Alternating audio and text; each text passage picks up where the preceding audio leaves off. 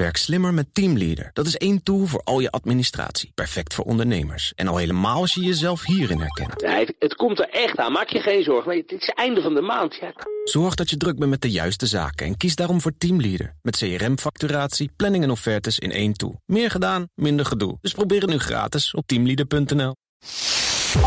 Welkom bij deel 2 van de CryptoCast 249 het podcastgedeelte. In het eerste deel hebben we het gehad over het laatste crypto-nieuws. Dat vind je als de vorige aflevering, 249a. We gaan het nu hebben over goud, bitcoin, deflatie en aanverwante zaken... met Elmer Hogervorst, fiscaal jurist en auteur. Hartelijk welkom. Dankjewel. En uh, met als co-host Paul Buitink, managing director van Holland Gold. Hartelijk welkom ook. Hi. Voor we beginnen eh, het volgende. In Brazilië zijn betalingen in crypto binnenkort waarschijnlijk legaal.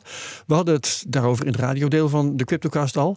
En wet daarvoor is pas door het Braziliaanse congres aangenomen. Moet alleen nog door de president worden ondertekend.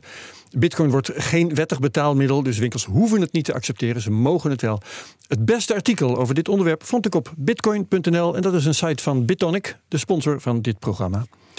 En dan nog iets anders. Als je graag luistert naar de CryptoCast, vergeet je dan niet te abonneren, want dan ben je elke week direct op de hoogte van de nieuwste aflevering.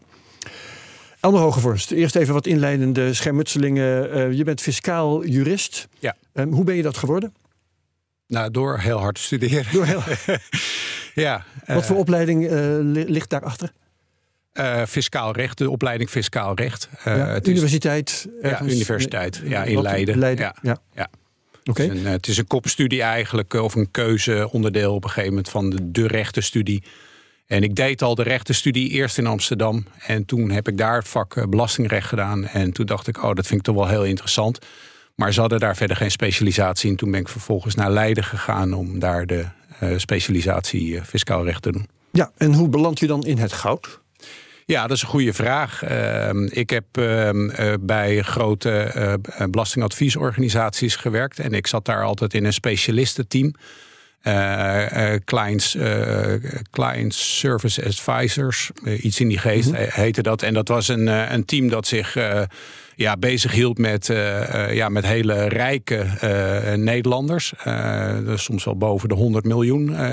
en ik, heb, ik, was op een gegeven, ik ben ook heel lang aanspreekpunt geweest. En ook toen ik voor mezelf begon, ben ik dat blijven doen voor prijswinnaars in de, in de staatsloterij. Oh.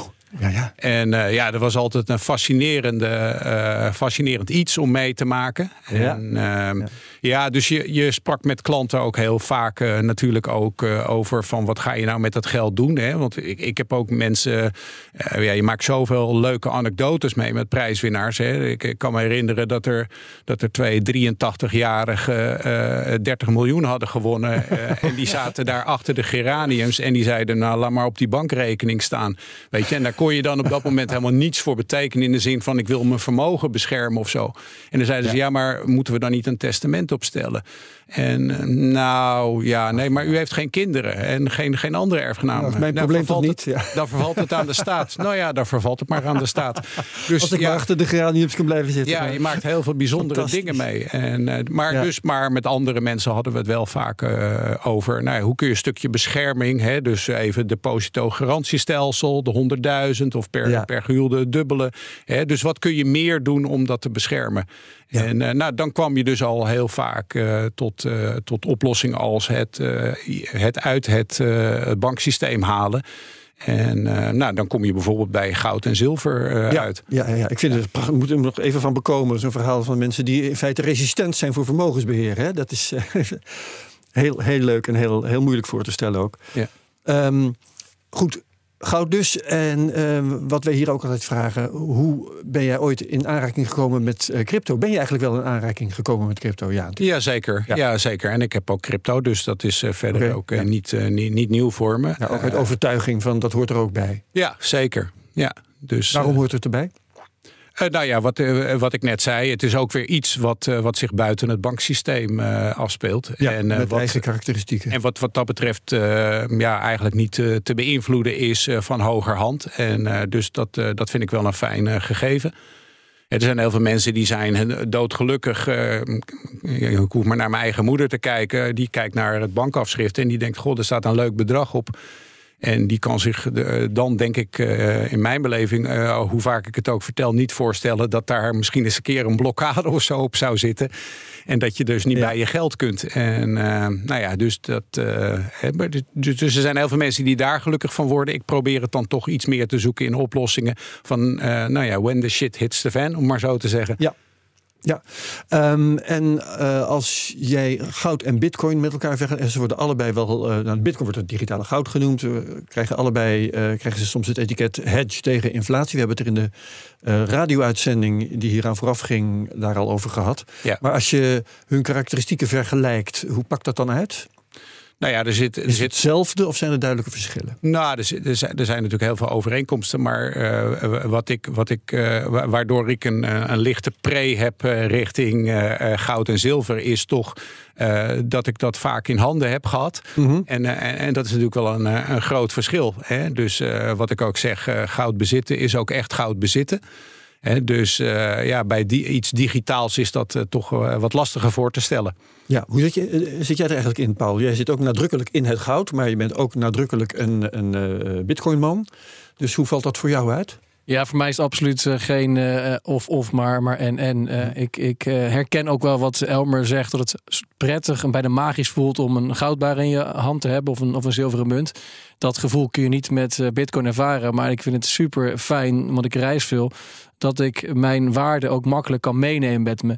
Um, en wereldwijd uh, dat kan overdragen zonder dan afhankelijk te zijn van die atomen. Um, het, is, dus het, heeft, het heeft allebei zijn charme. En ik, ik denk dat het allebei een, een positie eh, verdient in, je, in je portefeuille. Met name ook inderdaad om uit het systeem te blijven. Want het systeem is dikwijls heel fragiel en kan ook ineens in je gezicht ontploffen.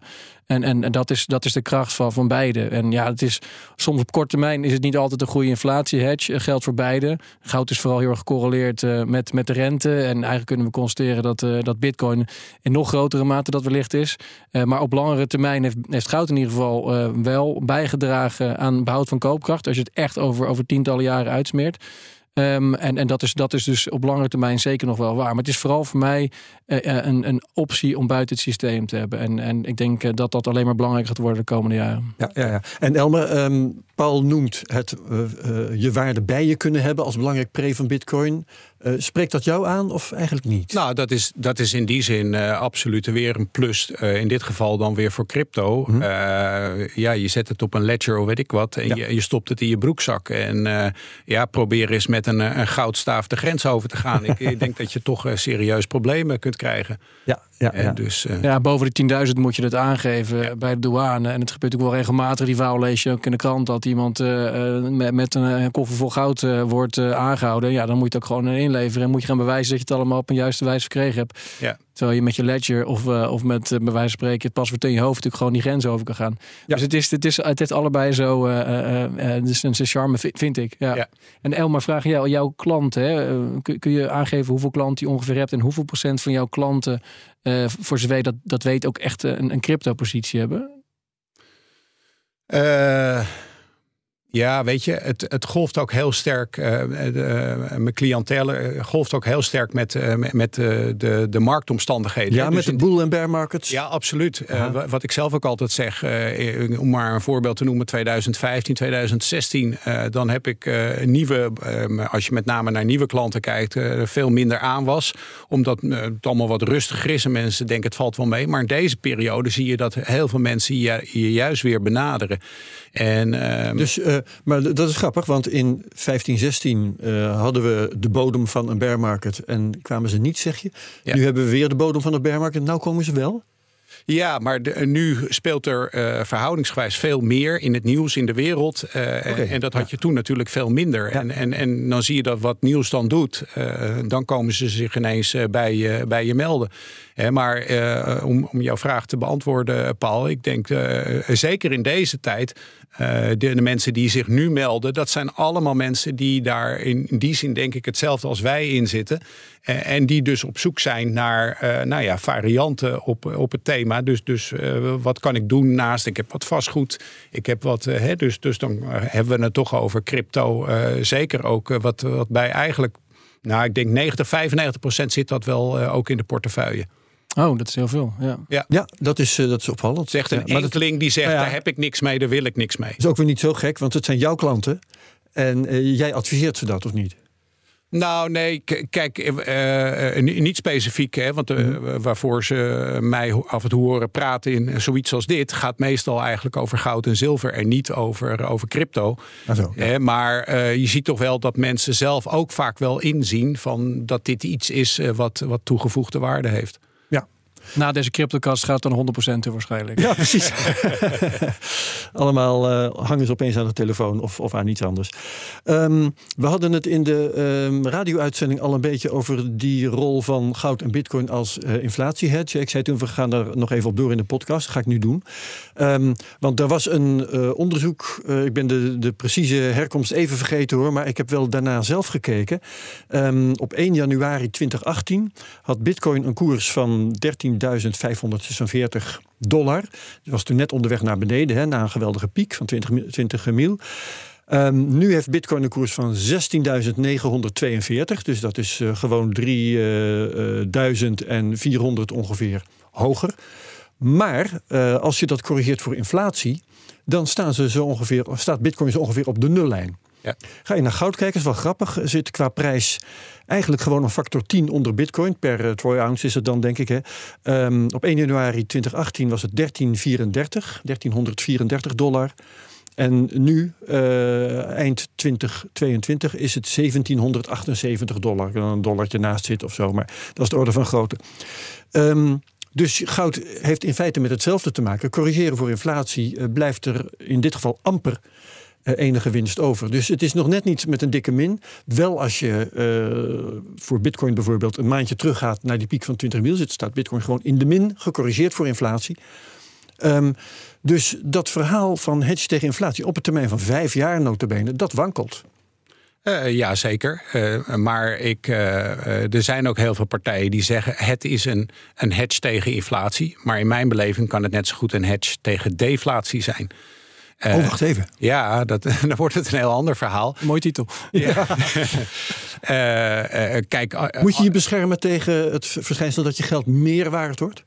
Nee, maar eh, kijk, wat, wat zie je in een deflatoire fase vaak gebeuren, is dat er uh, uh, nou ja, toch wel het nodige aan ellende in de, in de economie aan de hand is. Ah ja. en, en dan hebben we het over bedrijven die omvallen en dat soort zaken. En nou ja, een van mijn favoriete quotes is altijd: goud gaat nooit failliet dus uh, in dat opzicht uh, kan het ook juist iets zijn om even je geld in te stoppen als je bang bent, bang bent dat je bank bijvoorbeeld komt om te vallen maar ehm, ja, om nog even terug te gaan op die, op die inflatie. Kijk, als ik, als, uh, ik denk dat het verhaal met name uh, heel erg is gaan uh, spelen door de jaren 70, 80. En dan zie je op 20 januari 1980 zie je dat de goudprijs op 873 dollar staat. En op dat moment zie je ook dat ehm, hoe heet het, de inflatie heel erg hoog is. En zo komt dus ook dat verhaal dan de wereld in. Het is dus een inflatiehedge. Terwijl als je al die periodes in kaart brengt sindsdien, dan zie je periodes van dalende inflatie of disinflatie, uh, waarin goud het wel goed doet uh, en, omgekeerd. Hè. Dus, uh, er zijn natuurlijk veel meer factoren aan het werk. Exact. Dus die één op één relatie, die, die is niet zo direct zo. nee, en het kan natuurlijk ook zijn dat als de inflatie piekt, dat mensen dan zenuwachtig worden en goud gaan kopen. Dus dan is inflatie meer de oorzaak van de hoge prijs. Eh, dan dat uh, goud speciaal op, op een of andere manier uh, beschermt tegen inflatie. Ja, ik denk dat, dat, dat, mensen heel vaak op, op nieuws reageren. Ja. ja. En, en, en omgekeerd trouwens ook. Hè. Media doen precies hetzelfde. Ik, ik, ja, ik zag vanochtend bijvoorbeeld een artikel voorbij komen in de Telegraaf. En daar stond in dat, uh, dat goud uh, dus uh, als broodjes, zoete broodjes over de toonbank ging. Op dit moment. Ja, terwijl we hebben juist al een hele stijging in die goudprijs weer gehad. En we, we zitten net twee dagen in toch wel een stevige correctie alweer in de, in de goudprijs op dit moment maar op dat moment komen de media eigenlijk met het nieuws naar buiten. Dat het als, en dat is meestal meer het einde van een beweging dan de start van de beweging. Oh? Nou, ik kan dat bevestigen. Oktober was onze drukste maand ooit bij Holland Gold. we hebben nooit zoveel verkocht als in oktober. november is weer, was weer wat rustiger, nog steeds um, hoog. Men ziet ook gelijk dat er tekorten ontstaan in de markt en dat de raffinaderijen en de munthuizen de vraag niet kunnen, kunnen bijbenen. Ja. Maar, maar de goudprijs kwakkelt toch al jaren? Nou, ik wil in ieder geval een belangrijk punt maken nog ten aanzien van die prijs. Want wanneer zagen we de, de piek van de goudprijs? Die zagen we in maart na de inval. Dat is een relatieve piek dan, hè? want het is boven de 2000 geweest. Ja, maar in euro's hebben we een, record gepakt in maart. En dat is eigenlijk rechtstreeks het gevolg geweest van de inval. En, uh, en ook Ehm, de dollar die toen echt ter sprake kwam. Omdat uh, we, het Westen heeft natuurlijk um, de tegoeden van Rusland bevroren. Dollar tegoeden die ze hadden. Waarmee Rusland uh, zich afvroeg van ja, en niet alleen Rusland, maar ook China en andere landen. Van ja, is de dollar wel die veilige haven die het claimt te zijn? En niet, niet voor niks in de jaren daarvoor was Rusland al vanaf 2014 tot 2020 waren ze al goud aan het uh, accumuleren. Sowieso zie je dat centrale banken heel veel uh, opkopen. Afgelopen kwartaal. Wilde ik het nog over hebben, ja. ja. Maar dus, dus goud is vooral ook een geopolitieke dus en, en, ook voor hun geld, buiten het systeem, is het prettig om goud te hebben. En toevallig las ik vandaag het nieuwe artikel van Sultan Pozar van Credit Suisse.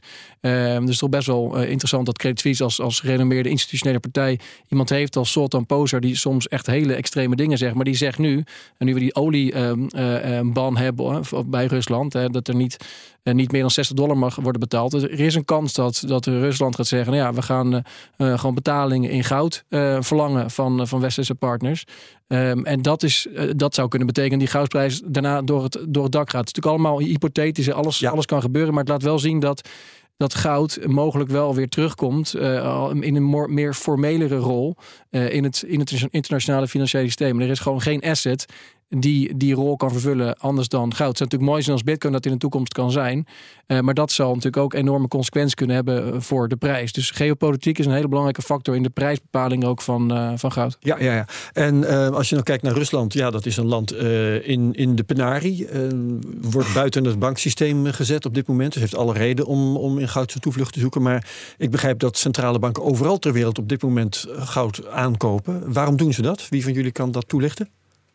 Uh, ja, nou ja, dat, dat, dat is de vraag uh, waar, waarom ze dat doen. Hè. Dat, uh, dat zeggen ze er namelijk ja, niet, erg, niet echt bij. Nee. er zullen toch wel mensen zijn die daar inzicht in hebben? Ja, je, je hoort ook af en toe wel eens wat, wat geluiden. ik weet dat Paul, die, jij vertelde gisteren nog iets. We hebben gisteren even gesproken met elkaar. Toen had je het ook over Klaas Knot, die een opmerking heeft gemaakt, onder andere. Ja, regelmatig laten centrale bankiers toch wat los en, en uh, lichten ze een, stukje van de sluier. Uh, bijvoorbeeld uh, Klaas Knot die inderdaad in Buitenhof heel duidelijk benadrukte dat hij niet van plan is om, om goud te verkopen. Dat gaan ze zeker niet doen, met nadruk op zeker niet. recent was er nog een interview in de Telegraaf met, een, met directeur Houben van de Telegraaf, die, die ook benadrukte hoe belangrijk het goud is uh, als vertrouwen, uh, vertrouwensanker eigenlijk voor een centrale bank.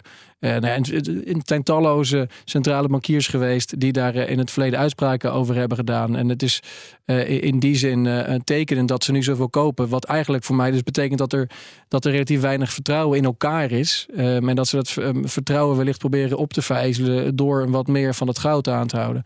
Um, jouw vraag van ja, waarom is die prijs dan zo aan het kwakkelen? Dus tegenover uh, het, het, aankoopgedrag van centrale banken en ook particulieren, niet, niet bij ons was het uh, extreem druk, maar ook alleen, of niet alleen bij ons, maar ook bij andere partijen, zie je ook natuurlijk dat er een nieuwe productie van het mijnen moet, uh, moet worden geabsorbeerd. Je ziet mm. ook wel verkoop bij, bij ETF's en institutionele partijen, bijvoorbeeld omdat een marge calls komen. Dus dat, is weer, dat heeft weer een, een, een drukkende werking op de prijzen. Dat is een, een krachtenspel. Maar als straks bijvoorbeeld die oorlog inderdaad escaleert. Uh, of of uh, Rusland kondigt zoiets aan dat ze goud willen ontvangen voor, uh, voor olie.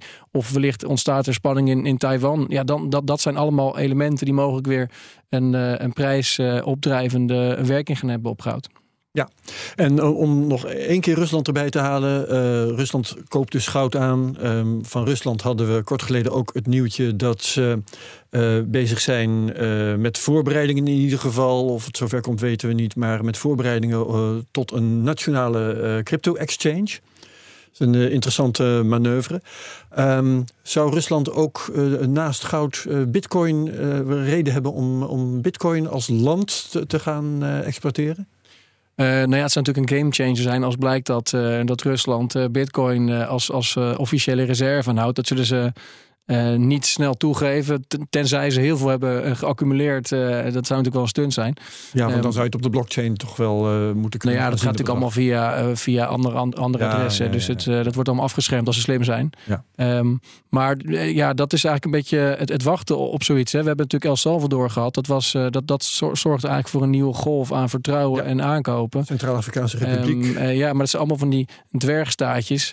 Het wachten is natuurlijk op een, op een grotere staat. die Korea uh, waarschijnlijk, hè? dat weten we ook niet zo Ja, hackers hebben daar natuurlijk ook veel uh, weggesluist.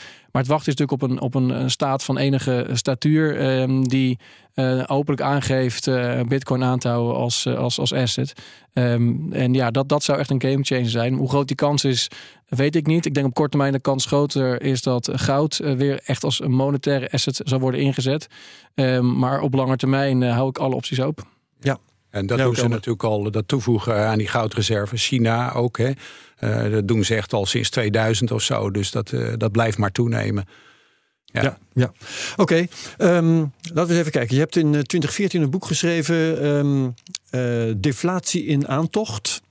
Uh, was het een vertaling? Ik begrijp dat het een, uh, het origineel uit 2005 was. Ja, nee, het, het oorspronkelijke boek is uh, van Erik Mekking. Ja. En wij hebben samen het boek Geld, Goud en Zilver geschreven in 2011, 2012.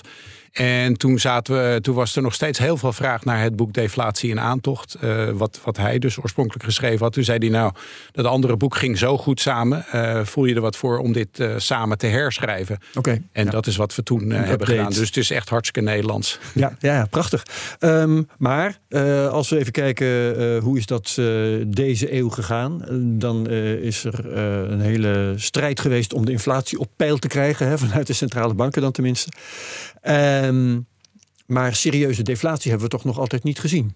Niet hele diepgaande serieuze. 2015, 2016 weet ik dat er een periode was dat in ieder geval in de eurozone we, we deflatie hadden. Heel, uh, dus twee kwartalen is dat geloof ik geweest.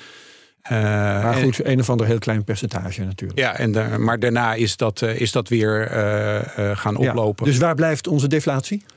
Uh, nou, het zou kunnen dat die er uh, nog aankomt. En het is ook maar net wat je gebruikt als, als definitie. Uh, hè, als je het puur hebt over het cijfer wat, wat achter de komma staat. dan heb je goede kans met, met de hoeveelheid geld die bijgedrukt wordt. dat, dat, dat dat niet zo snel aan de orde zal nee, zijn. Precies, ja, ja, ja. Maar het gaat dan eigenlijk meer om, zoals wij dat altijd zeggen. Wij noemen dat meer schulddeflatie. En dus de enorme druk die uitgaat van de, van de schuldenberg. Die we natuurlijk door de jaren heen hebben opgebouwd. En, uh, en, en, die, uh, en die zal zeker op het moment dat het economisch slechter wordt ervoor zorgen uh, dat je dat, dat hè, ik zeg wel eens, je, je hebt zaken die je, die je hebt en zaken die je nodig hebt.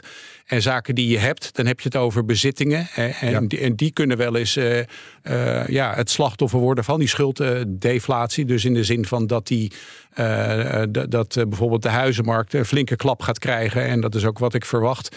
en, en dat er ook andere assets, zoals, zoals de aandelenmarkt, dat die dus ook flinke klappen gaan krijgen. Ja, en dat daarmee de schulden die daarbij horen relatief in omvang toenemen. Dat ja, is wat je dat, dat je dus dat dat echt gaat drukken op die markt. En dat, ja. je, dat je een beetje gevangen zit eigenlijk in, de, in die, onder die schuldenberg. Instortende huizenmarkt levert restschulden op bijvoorbeeld. Ja, en, en, en, dan, en dan zul je dus krijgen dat, er, dat eigenlijk de enige uitweg uit die neerwaartse spiraal, voor wat dat betreft, is dat, dat er ook echt saneringen en faillissementen en, uh, en liquidaties gaan plaatsvinden. Schrappen van schulden. Ja, of het schrappen van schulden uiteindelijk. Maar meestal komt dat helemaal aan het einde van de rit. Als we dan echt geen uitweg meer zien. En we willen voorkomen dat het nog ellendiger wordt. Maar op de korte termijn zie ik dat nog niet zo direct. Maar verwacht je dan een soort van jaren 30 stel depressie, die, die ook echt meerdere jaren duurt? Uh, ik, ik denk wat dat betreft dat we. Uh, uh, kijk, ik kijk ook naar hele grote cycli, grote golfbewegingen. En ik denk wat dat betreft dat we in een soortgelijke fase zitten. Ja. Daar zitten we nu al in. En hoe lang gaat dat duren, denk je? Ehm, nou, ik denk dat dat zeker wel tot, tot het eind van dit decennium nog kan duren. 2030 of, of daarna. En zeker voor wat betreft de afbraak van die, van die enorme schuldenpuist. Dat je een lijn met de, met de winter van de Kondratiev uh, Ja, exact. Ja. Maar, maar de, uh, het, het, klinkt wel een beetje geconstrueerd. Want je, uh, je, je kondigt deflatie aan. We zitten in een, een tijd van torenhoge inflatie. Ja. En je zegt eigenlijk, maar toch vind ik dat deflatie. Nou, schulddeflatie. Hè? Dus we, we, hadden het over de zaken die je hebt en zaken die je nodig hebt. De zaken die je nodig hebt, dat zouden dus heel goed uh, dingen zijn in de supermarkt, die dus duurder worden hè, tegelijkertijd. Dus dat die dingen naast door sommigen ja, noemen het wel eens biflatie. Hè? Uh, ja, ja, huizenprijzen zijn natuurlijk al uh, aan het dalen de afgelopen maanden. Dus in die zin dat onderscheid hebben we hier meer gehoord. Hè, toen we nog verschillende soorten inflatie hadden. Toen hadden, zat Bert Slachter hier ook uit te leggen. Je hebt assetinflatie en je hebt supermarktinflatie. Ik weet niet precies, ik geloof dat die drie soorten onderscheiden. Maar zo'n soort onderscheid maak jij dus ook. Ja. Ja, oké, okay, dat is duidelijk. Um, wat kan je dan als burger ondernemen om, om, om dat probleem te ondervangen? Uh, moet je dan goud kopen? Is, is dat waar je dan op uitkomt? Of wat? Nou, het is een van de middelen. Hè? Dus, dus uh, zeker omdat de, de risico's die, die, die ik vooral ook zie in, de, in, in het banksysteem. Uh, dan is het dus heel erg belangrijk, denk ik, om een deel van je geld uh, dus echt uit dat banksysteem te halen. En uh, ja, wat ik bijvoorbeeld met die, met die prijswinnaars wel eens uh, had. Hè, want sommige mensen zeiden ja, maar als die huizenmarkt gaat dalen, moet je dus ook niet in de huizenmarkt zitten. En maar ja. dat, het hangt, het is altijd Moeilijk maatwerk. Dus ja. ja. maar het is altijd maatwerk. Het, het, hangt heel erg van je positie af. Hè. Zeker bij die prijswinnaars had ik, had ik zoiets van, nou ja, weet je, of het nou een paar ton meer of minder is, voor jou maakt dat niet zoveel uit. Dus ik denk dat het juist heel belangrijk is dat je dat geld uit het banksysteem gaat halen en er dus bijvoorbeeld een mooi huis verkoopt. Hè, als een van de varianten. En maar als je wat natuurlijk. Ja, spreiding is natuurlijk een. Uh, ja, dat is uh, onder alle omstandigheden eigenlijk. Uh, Zeker, spreiding is heel belangrijk. Maar als je dus wat minder vermogen hebt, ja, dan grijpen mensen al gauw toch weer naar ook weer hypotheken. Ja, en, en daar zit dan ook wel weer een stukje risico in. Zeker als die huizenmarkt een flinke klap zou krijgen. Hè, want we zijn dat niet meer gewend. Hè. Ik, ik, vertel mensen wel eens van, weet je, in de jaren 70, 80, hoe groot toen de daling op de huizenmarkt was. En ze hebben geen idee, uh, hè, want we, we, hebben een kortstondige daling ja. uh, dan uh, 10, 12 jaar geleden meegemaakt van zo'n 25 procent. Maar destijds hadden we het echt over 45 procent, 50 procent. Ja, klopt. Ik heb dat nog meegemaakt, zo oud eh, ben ik.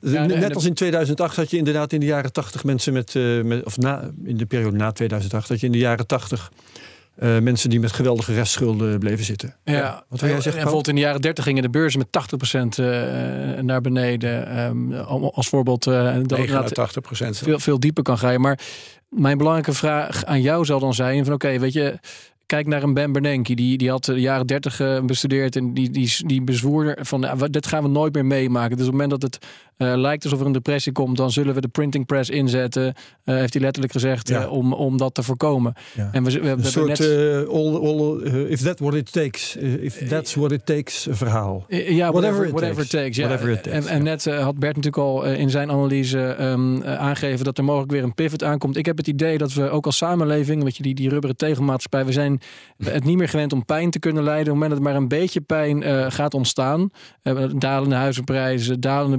beurskoersen, ja. uh, dat de autoriteiten alles op alles gaan zetten om dat te voorkomen. Uiteindelijk zullen ze daarin falen en zal waarschijnlijk en wordt de bubbel nog groter en zal de schade nou nog groter worden. Maar ik heb het idee dat ze uh, dit niet gaan toestaan. Een enorme daling van allerlei assetprijzen. En dat ze dus weer versneld rentes gaan verlagen, opkoopprogramma's gaan starten. Wellicht inderdaad uh, via CBDC's rechtstreeks geld op rekeningen gaan storten.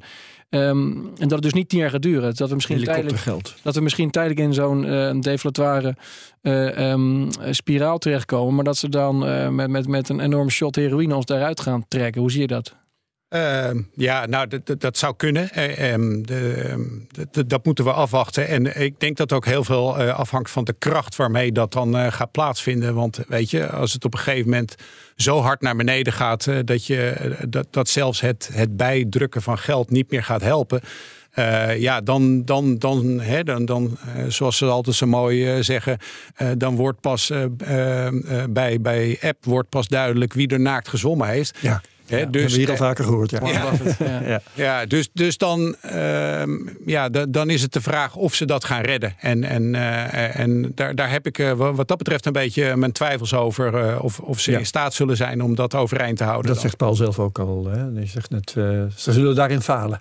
Ja, ze zullen het. Ik denk dat ze er niet in zullen falen om, om uiteindelijk die prijzen weer omhoog uh, te laten. Maar uiteindelijk bedoel je? Ja, ik, kijk, ik denk concreet in de, in, in de eurozone uh, zal de ECB vrij snel moeten gaan pivoteren. Uh, omdat die hoge rente simpelweg ondraaglijk zijn voor met name Zuid-Europa.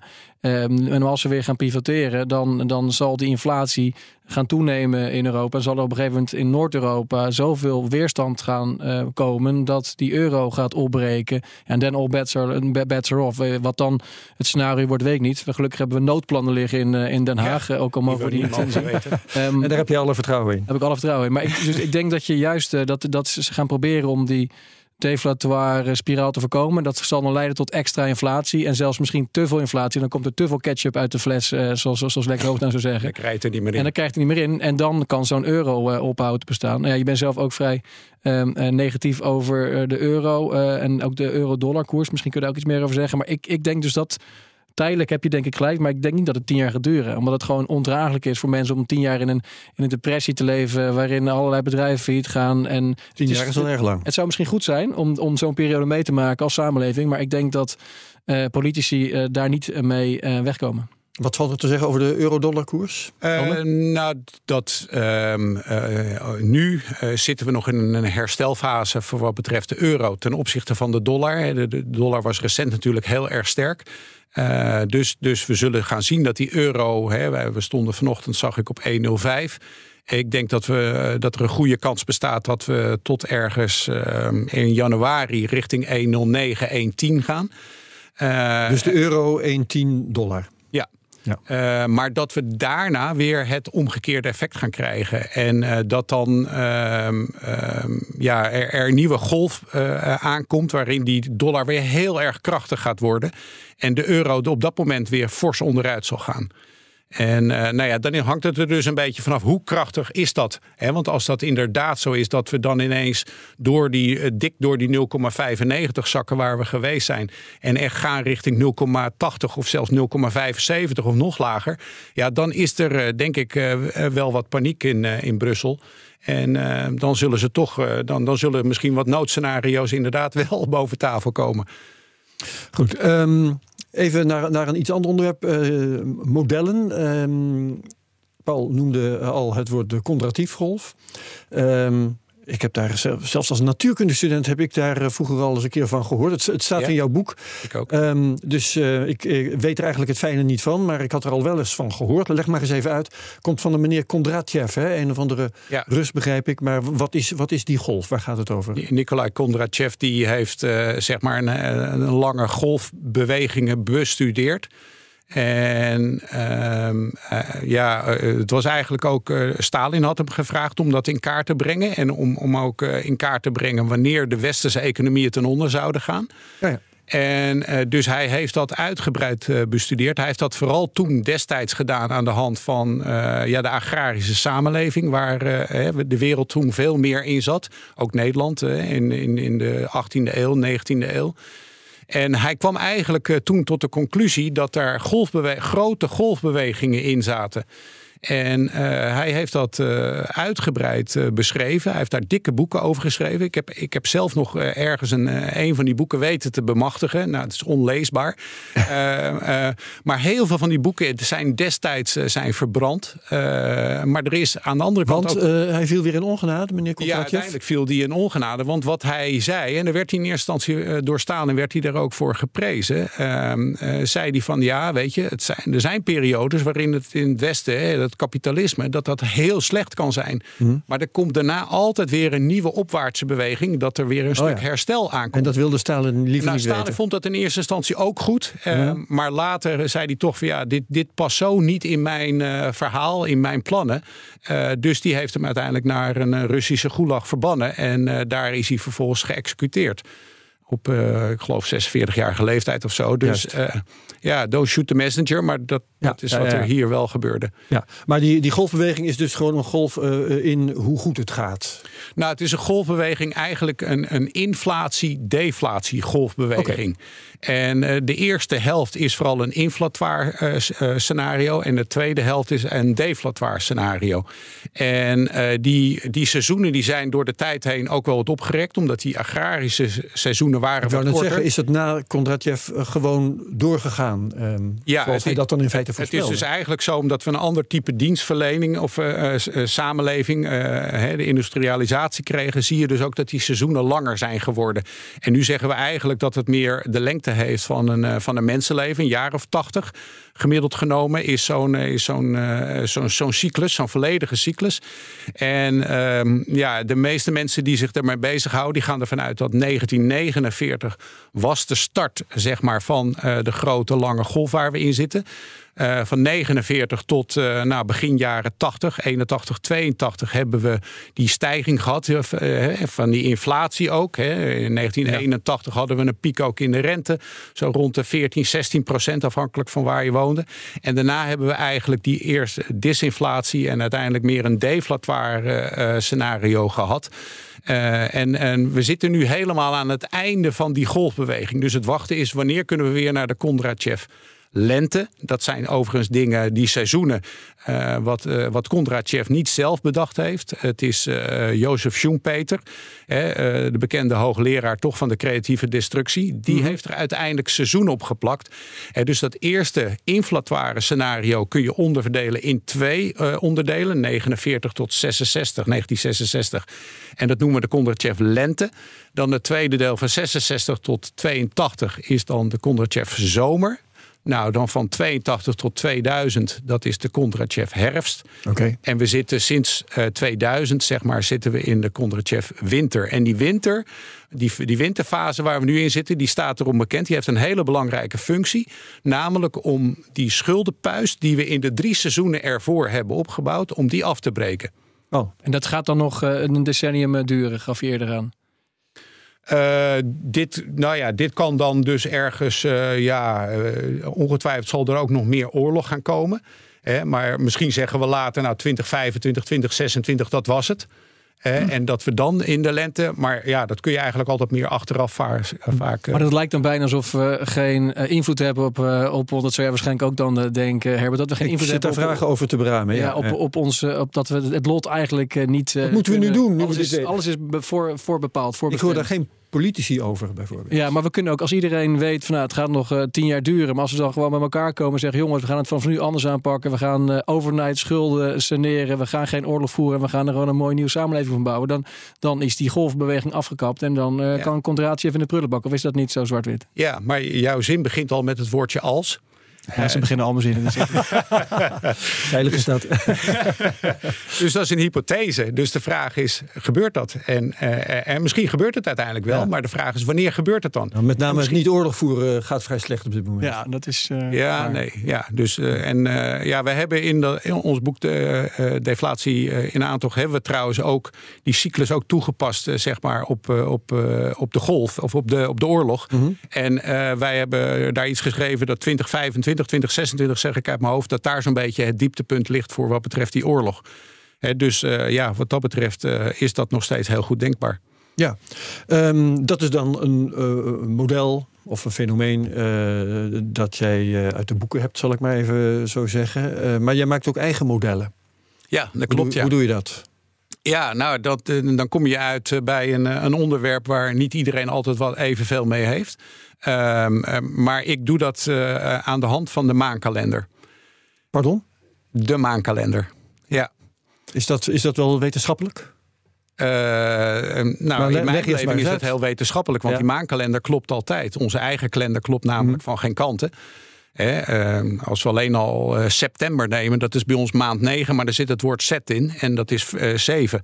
Hè, en zo gaat dat door tot, eh, tot, eh, tot december eh 12 en 10. Hè, dus eh, onze eigen kalender klopt van geen kanten. Daarom hebben we ook schrikkeldagen en schrikkelsecondes nodig om die, om die kalender steeds weer goed te laten lopen. Bij de maankalender heb je dat probleem op geen enkele manier. Maar eh, hoe is die van invloed op de economie?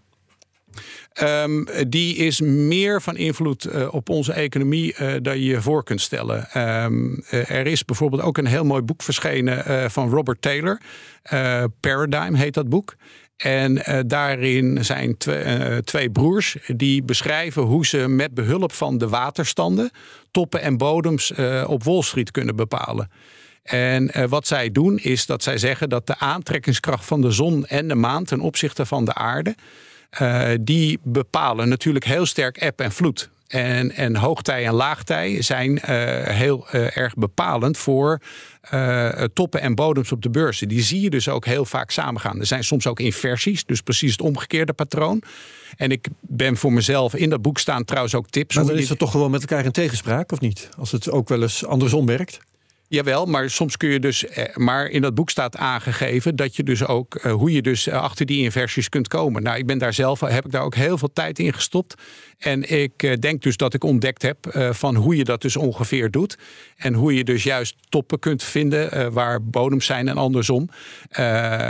of waar je bodem zou verwachten. Dus dit soort zaken zijn veel meer van invloed op, op ons leven. En dus ook op de financiële markten dan wij, dan wij allemaal denken. Die Robert Taylor was trouwens ook een vermogensbeheerder. En die heeft dus ook tijdenlang, heeft hij dus met behulp van die, die aantrekkingskracht van de zon en de maan ten opzichte van de aarde, heeft hij dus ook analyses gepubliceerd. En, en is daar ook schat hemeltje rijk van geworden? Of? Uh, nou, dat, zo goed ken ik hem niet. maar ik weet in ieder geval dat hij daar wel vrij succesvol mee dus uh, De proof of the pudding is in the eating. Ja, zo is dat. Ja. ja. Maar um, zijn er economen die dit accepteren? Uh, nee, maar je, moet, je, je, kunt je ook afvragen of economen degene zijn die iets over financiële markten zeggen. Uh, goed punt. Zijn achteraf, achteraf vooral goed in voorspellen. Hè? De... Maar ja, de oh, economen accepteren natuurlijk ook uh, de, de conjunctuurcycli, varkenscyclus en talloze cycli die uh, geaccepteerd ja. zijn, uh, ook door economen. Misschien dat ze mm. wat minder ver en diep gaan als, als Elmer, maar het bestaan van cycli um, is natuurlijk een, een, algemeen geaccepteerd fenomeen, ook in de economie. En kijk ook naar de analyse van, van Bert, technische analyse, is natuurlijk ook het, het zien van patronen en cycli en daarnaar handelen. Zeker. Ja. Um, maar ik vind het wel interessant dat uh, Elmer uh, zijn nek uitsteekt en met hele concrete data uh, komt. Want voor mij heb jij 24 februari echt gewoon specifiek die dag genoemd als de, de dag van, van de bodem. Hè? Dus waarbij alles. nou, in ieder geval van een hele diepe dip. Het zou kunnen zijn dat we begin maart nog een iets lagere bodem. de bodem waarvan precies? Want dat wordt dan belangrijk.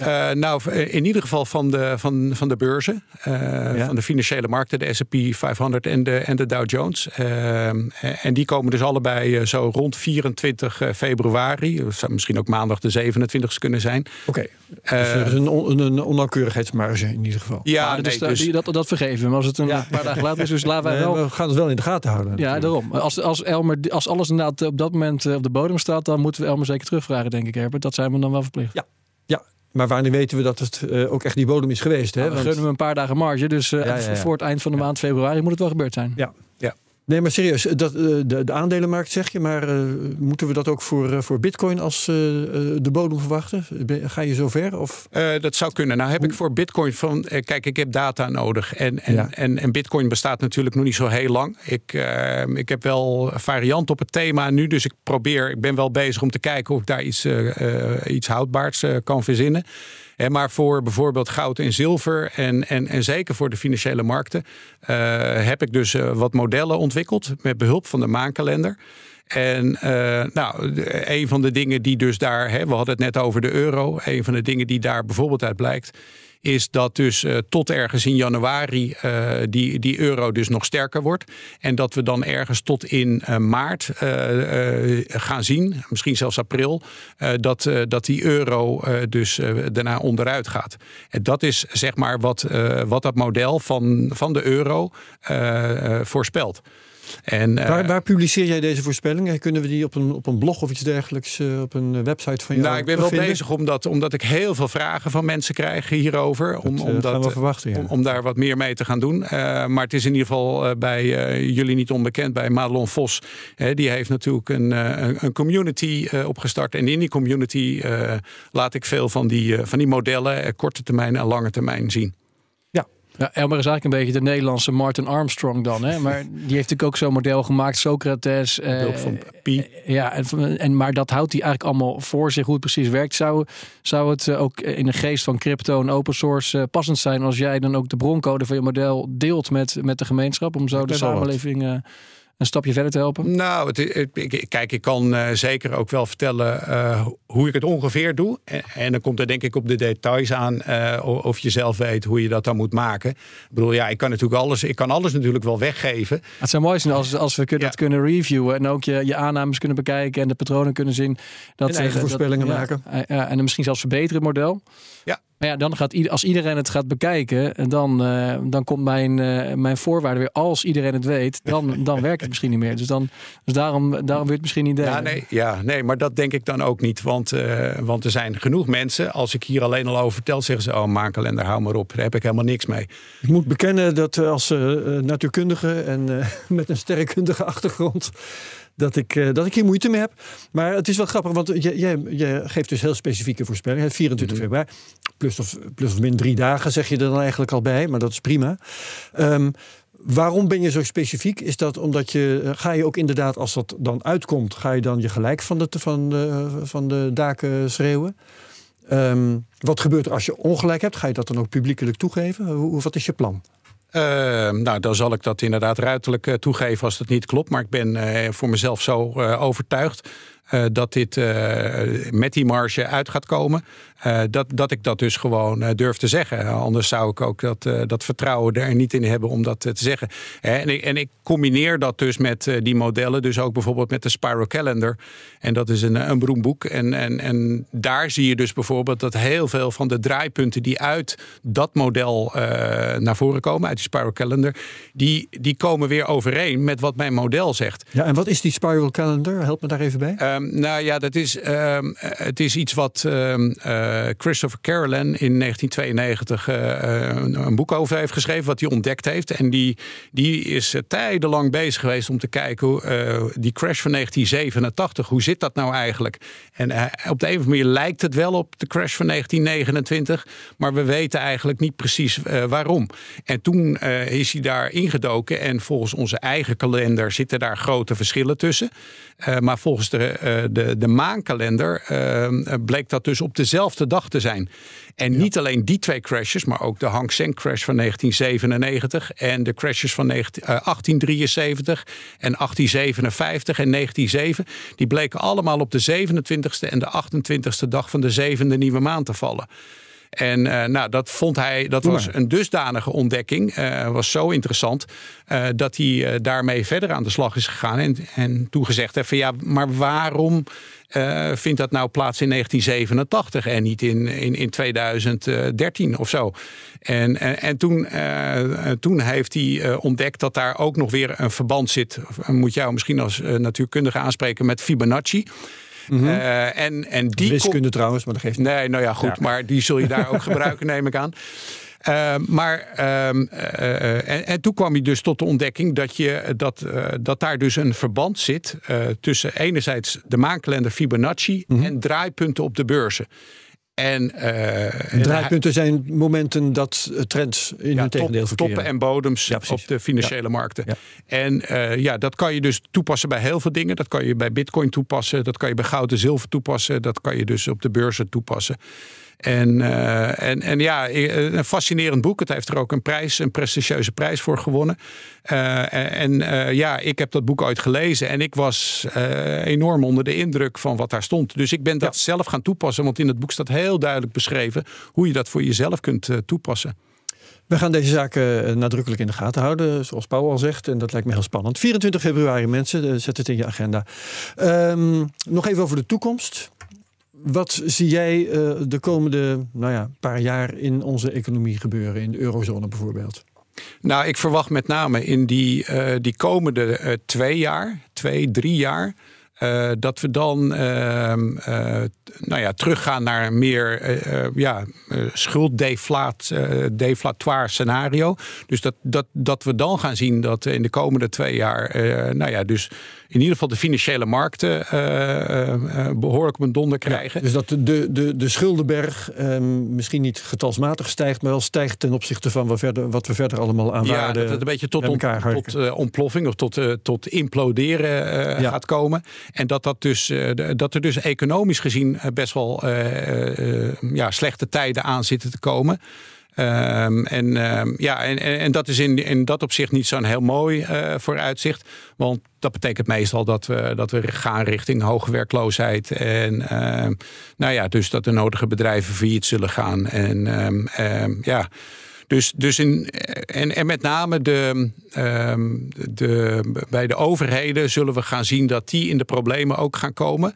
Omdat je daar dus te maken gaat krijgen met, die, uh, met de schulden. Ja, die hebben schulden. Ja, ja uh, dat, dat, dat dat echt problematisch gaat worden. En, en dat zal dan ongetwijfeld dat proces en die overgang naar een eventuele nieuwe munt, een nieuwe valuta, zal dat ongetwijfeld gaan versterken. Ja, je wijst erbij naar Paul.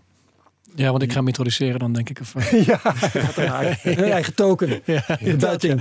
Ja, goed idee. Token, ja. Ja. En um, de dollar, daarvan heb je eigenlijk al gezegd, die um, gaat de euro boven het hoofd groeien.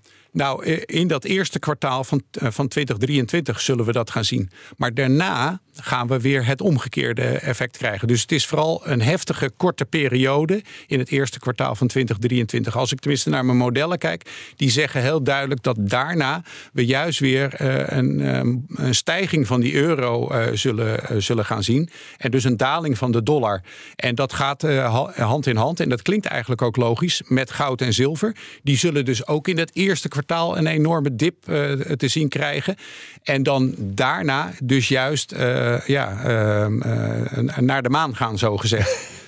ja, ja oké, dan gaat er tenminste nog iets naar de maan. Um, wat trouwens een dubbele betekenis heeft, maar dat begrijpt iedereen. Ja. Paul, nog iets daarover te zeggen?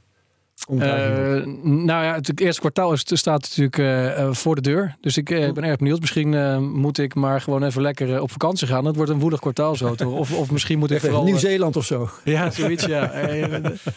ik, weet, ik weet niet waar je het beste kunt bivakeren in zo'n in zo'n woelige tijd. Heb je nog tips voor mensen om als ze willen kiezen voor een land waar het misschien beter gaat... of een land wat de, de golfbeweging kan verslaan? Wat, wat zou je adviseren? Uh, ja, dat is, dat is nog wel een hele lastige. Ik denk dat je, uh, misschien als je in Azië bent, dat je daar nog wel het, het minste de last van hebt. Hoe dat zo? Uh, nou, ik denk ook dat, dat daar, kijk, we, we zien sowieso al, als je naar die grote wereldmachten kijkt, überhaupt, hè, door de eeuwen heen. Uh, en die verschuiving die gaande is. Hè, we zien met Amerika heel duidelijk, een, wat mij betreft, een rijk in verval. Ja. en, en, en met de oorlog en de oorlogen die waarschijnlijk nog gaan komen, zie je eigenlijk meestal dat dat soort imperiums zich vergalopperen op oorlogen. En dan zie je dat eigenlijk dat zo'n munt helemaal naar de knoppen gaat. en dan ja. heb ik het specifiek in dit geval over de dollar dus eh, er zijn al heel veel partijen die zeggen de macht is naar, aan het verschuiven naar, eh, naar China. Uh, maar zelf ben ik een enorme voorstander. Niet, niet alleen omdat ik er vier keer ben geweest uh, en, en, best wel wat mensen ken. Um, uh, maar ben ik een voorstander van India. omdat wel aankomen, ja. als, je, als je dus kijkt bijvoorbeeld naar 46-jarige leeftijd. Dat is zeg maar gemiddeld genomen de leeftijd waarop wij onze hoogste uitgaven doen. In het Westen is dat. En dan vertaal ik hem dan ook maar even naar India. Ondanks dat er nog steeds heel veel armoede is. En ik verwacht met name dat die middenklasse daar enorm op zal komen. En als je naar de demografische gegevens kijkt, dan zie je dat tot 2050 uh, die, die groep 46-jarigen, die stijgt zeg maar tot die periode. En dan heb je het natuurlijk ook over een land ja, met 1,4 miljard inwoners. dus dat zal eerder nog meer gaan worden. En, ehm, en ik denk dat, dat, dus, dat ze in heel veel opzichten China zelfs wel voorbij zullen gaan streven. Oké, okay. nou interessant. Paul, jij koopt een ticket? Ja, ik ben een keer geweest. Prachtig land, mooie mensen. Dus uh, ja, ik ga mee. Ja, oké, okay, goed. Nou, um, ik dank uh, Elmer Hogevorst. Ik dank ook Paul Buitink. Van Holland Gold. En uh, tot zover dus deze CryptoCast. Volgende week dan spreken we met Ricky Gevers, bekende hacker over de rol van cryptovaluta in hacking en ransomware. Dat wordt interessant. Co-host is dan Jacob Boersma. Vergeet deze CryptoCast niet te delen met je volgers op Twitter. Gebruik de mention at CryptoCastNL. Reviews op Apple Podcasts worden we beter gevonden. Like, subscribe en comment op YouTube. Vergeet het allemaal niet. Dankjewel allemaal en heel graag tot volgende week. Dag!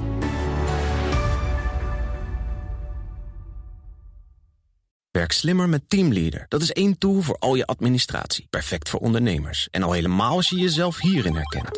Het, komt er echt aan. Maak je geen zorgen. Het is het einde van de maand. Ja. Zorg dat je druk bent met de juiste zaken. En kies daarom voor Teamleader. Met CRM-facturatie, planning en offertes in één tool. Meer gedaan, minder gedoe. Dus probeer het nu gratis op teamleader.nl.